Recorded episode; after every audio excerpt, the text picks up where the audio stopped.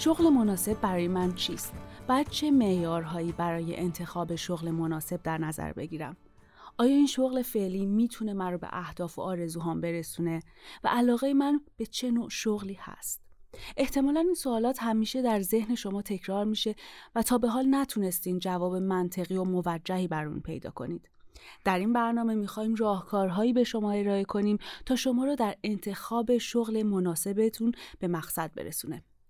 اگه شما هم در آرزوی رسیدن به شغل مناسب و اهدافتون هستید با ما باشید. من آنا دورانی امروز برای مرور راهکارهای لازم برای چگونگی رویارویی با این چالش بزرگ و انتخاب یک راه درست با آیدا فیز کارشناس مدیریت منابع انسانی هم صحبت میشیم تا معیارهای انتخاب شغل مناسب رو بررسی کنیم. آیدا خیلی خوش اومدیم. متشکرم آنا. ممنونم از دعوتتون. آره می‌دونیم انسان ها در تمام مراحل زندگی در حال انتخاب هستند. انتخاب دوست انتخاب مدرسه انتخاب همراه و یا انتخاب شغل. ولی از این هم از این میون انتخاب شغل از همه مهمتره. این انتخاب می‌تونه در تمام انتخابهای دیگه زندگی هم تاثیر بذاره. بنابراین این انتخاب باید بر اساس معیارهای دقیق صورت گرفته و کاملا آگاهانه باشه. میگن که هر کسی رو بهر کاری ساختن. اگه کسی اطمینان نداشته باشه که بهر چه کاری ساخته شده باشه چطور باید مسیر خودش رو انتخاب کنه یا اولین گام برای برداشتن توی این مسیر چیه؟ ممنونم آنای عزیز از مقدمه خوبی که گفتین. در حالی که داشتم میومدم آماری رو دیدم که 20 درصد متقاضیان ثبت شده در وزارت کار در حال رقابت بر برای گرفتن 5 درصد از کارهایی هستن که هیچ مهارت خاصی احتیاج نداره.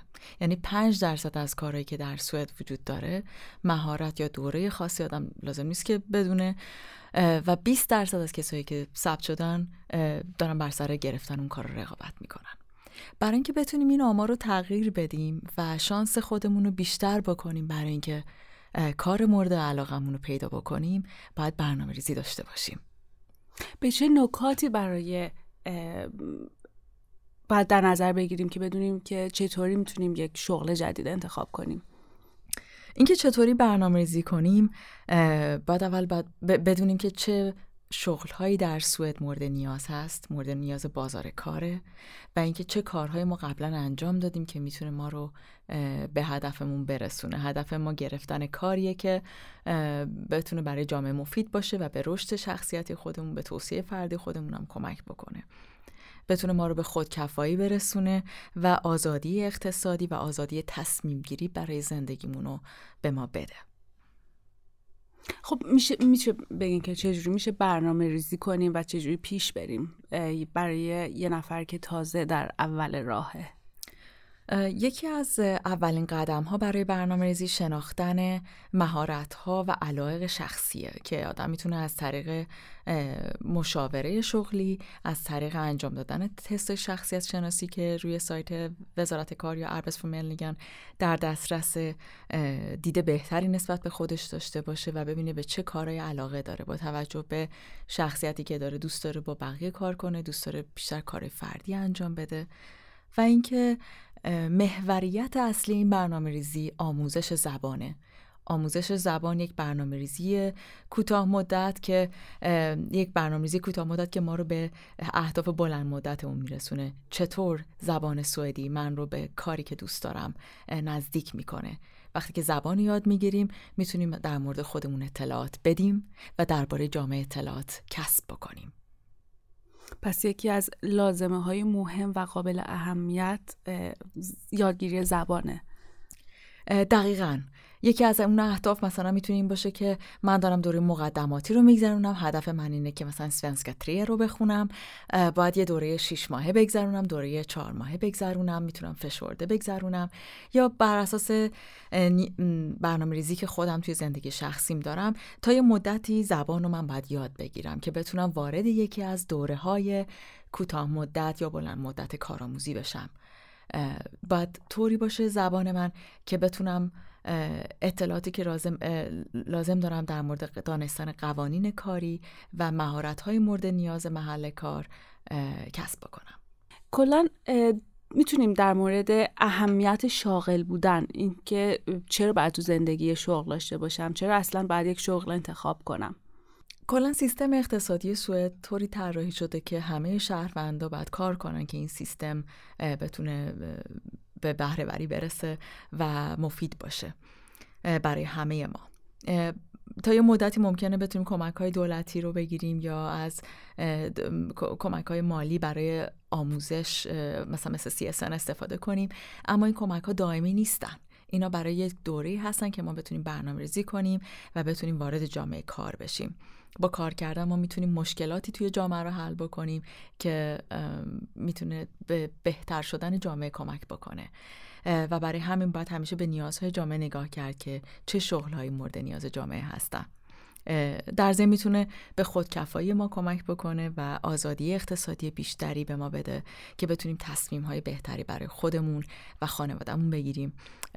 و همچنین برای بچه هامون برای فرزندانمون الگوهای بهتری باشیم. وقتی که می‌بینن بچه‌ها که پدر مادرشون کار می‌کنن و زندگی هدفمندی دارن و بخشی از جامعه هستن بچه از این الگوها تاثیر می‌گیرن. دقیقا. و میشه این موقعیت رو مثل یک شانس جدید و یه شرایط جدید برای ساخت خود آینده داشته باشیم. همونطور که شما هم گفتین نمونه هایی داریم که بسیاری که موقعیت تحصیلی یا انتخاب کار در, در گذشته خودشون نداشتن. اما اینجا با تلاش و هدفمندی درست تونستن که یک مسیر جدید و خارق العاده رو تو زندگیشون شروع کنن. درسته چند وقت پیش من کسی رو دیدم کارجویی رو دیدم که در طول پنج سال هم زبان رو یاد گرفته بود زبان مادریش دری بود و توی کشور دیگه ای زندگی کرده بود یک دوره سختی رو گذرونده بود و توی سوئد توی پنج سال زبان رو یاد گرفته بود. الان فارشگول لرر شده.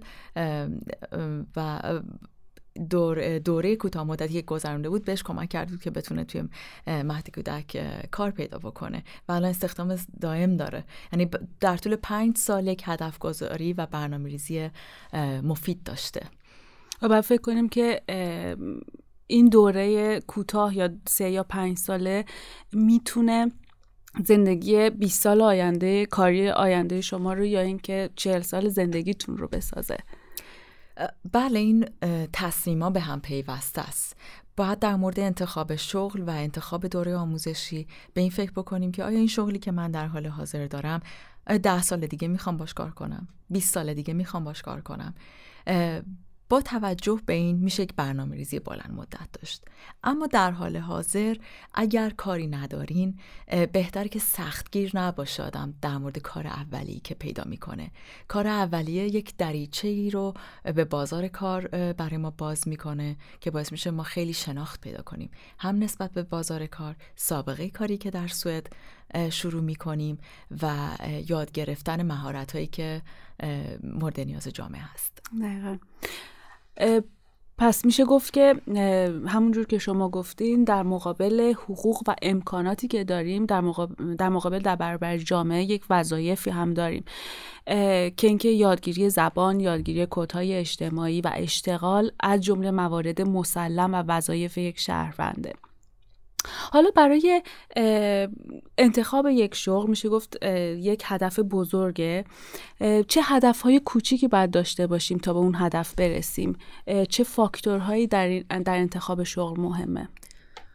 می‌تونیم به این فاکتورها توجه بکنیم که چه مهارت هایی داشتیم و چه مهارت هایی باید کسب بکنیم. اون مهارت هایی که داریم و چطور می‌تونیم بهتر کنیم. چه ارزش هایی داریم؟ ارزش های شخصی و فردی؟ دوست داریم تو چه محیطی کار بکنیم؟ با چه آدمایی همکار باشیم و تو چه محیطی باشیم؟ چه محدودیت هایی داشتیم قبلا و در حال حاضر چه محدودیت هایی داریم؟ این محدودیت ها رو چطور می‌تونیم از بین ببریم؟ اینا رو آدم می‌تونه به صورت سوال بنویسه و پاسخ بده به خودش که چه آرزوهایی داشتیم چرا به اون آرزوها تا الان نرسیدیم و الان که موقعیت تحصیل و موقعیت کارآموزی هست چه راههایی می‌تونیم برای رسیدن به آرزوهامون پیدا بکنیم؟ چه فرصت هایی در اختیار ما هست در حال حاضر که از این فرصت ها می‌تونیم استفاده کنیم و چه فرصت هایی رو می‌تونیم ایجاد کنیم؟ با زبان بهتر با صحبت کردن بهتر زبان سوئدی حتی اگر در حال حاضر مثلا تازه شروع کردین آموختن زبان سوئدی رو. چه فرصت هایی می‌تونین برای خودتون ایجاد کنین و از اونا بهره ببرین؟ و اینکه چه پتانسیل درآمدی دارین؟ یعنی دوست دارین تو چه در رنج درآمدی داشته باشین؟ چه دوره هایی رو باید انتخاب بکنین که درآمد مورد نظر شما رو بهتون بده؟ ممکنه بعضی از دوره ها درآمدشون از یه سطحی بالاتر نره اما هر چقدر به طرف تخصصی تر شدن و دوره های بلند مدت تر آموزشی گرایش پیدا بکنین درآمد مورد نظرتون رو بهتر می‌تونین بهش برسین. بسیار عالی. با توجه به آماری که اول گفتید طبیعتا نقش تحصیل و آموزش یک حرفه خیلی موثره و بالاست. حالا اهمیت تحصیل و به ویژه تحصیلات حرفه‌ای در زندگی انکارناپذیره. تحصیلات نشون میده تحقیقات نشون میده که افرادی که تحصیلات کمتری دارن در معرض خطر بیکاری هم هستن. میشه راجع به نقش تحصیلات در انتخاب شغل صحبت کنیم.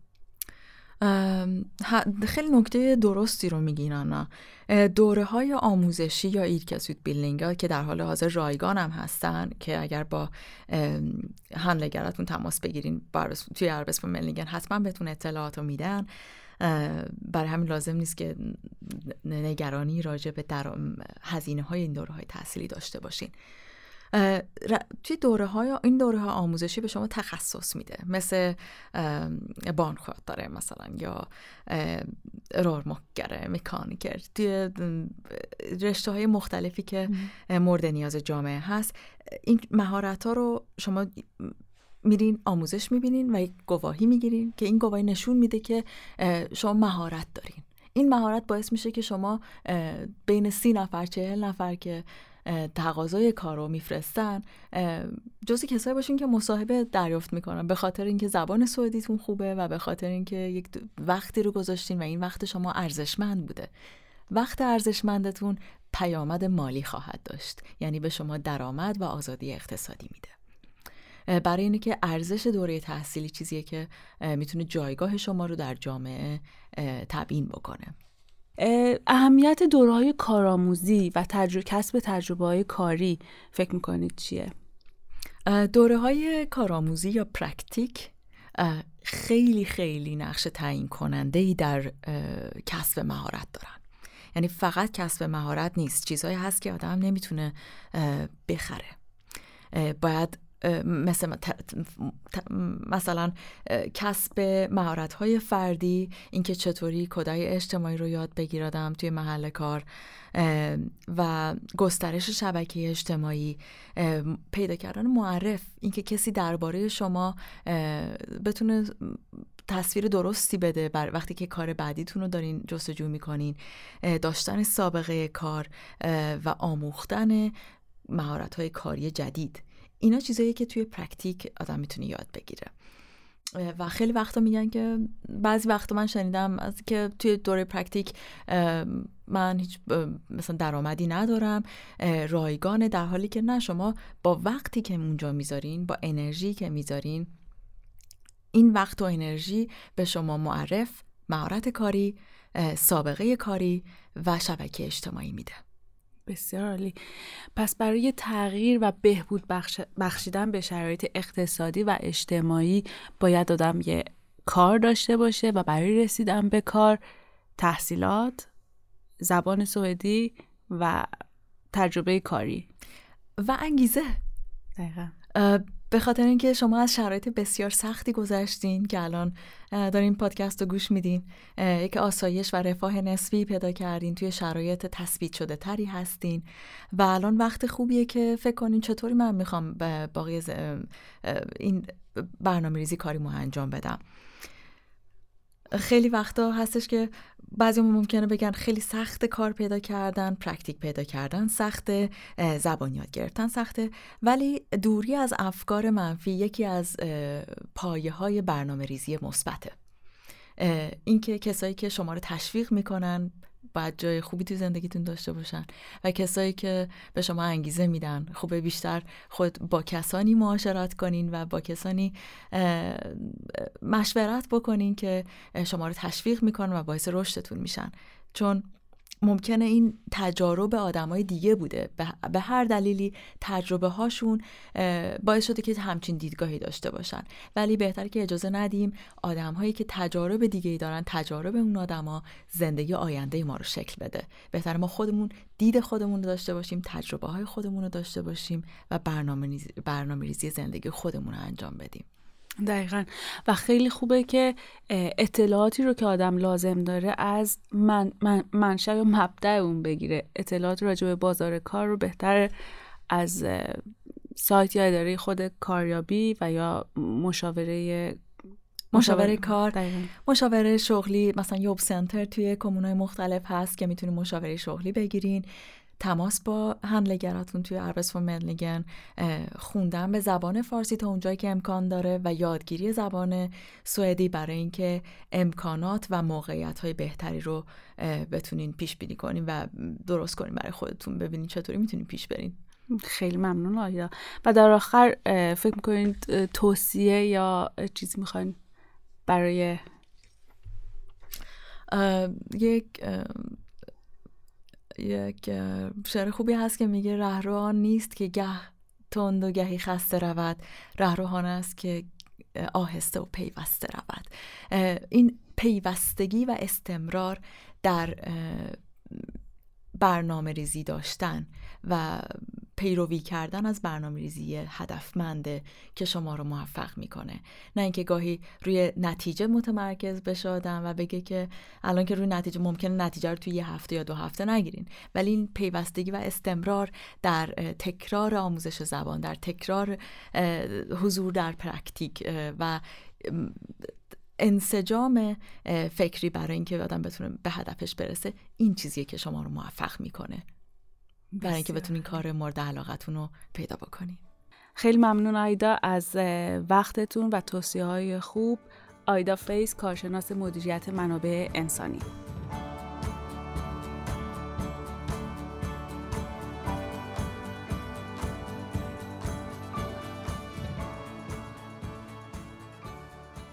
پیدا کردن شغل مناسب مثل یک سفره. در این سفر شما باید اول خودتون رو کشف کنید تا بعد بتونید شغلتون رو به اکتشاف برسونید. مرحله بعد از اون تمرکز بر تحصیلات لازم و شغل و حرفتونه و تطبیق خودتون برای به دست آوردن اون شغل. به عبارت ساده تر علاقه، مهارت و نیاز بازار کار یک نقشه کلی راه برای سفر شغل مناسب شماست. آرزومندم برای کسب درآمد شغلی برای خودتون انتخاب کنید که از اون لذت ببرید و به رشد شخصی و اجتماعی شما کمک کنه. موفق باشید.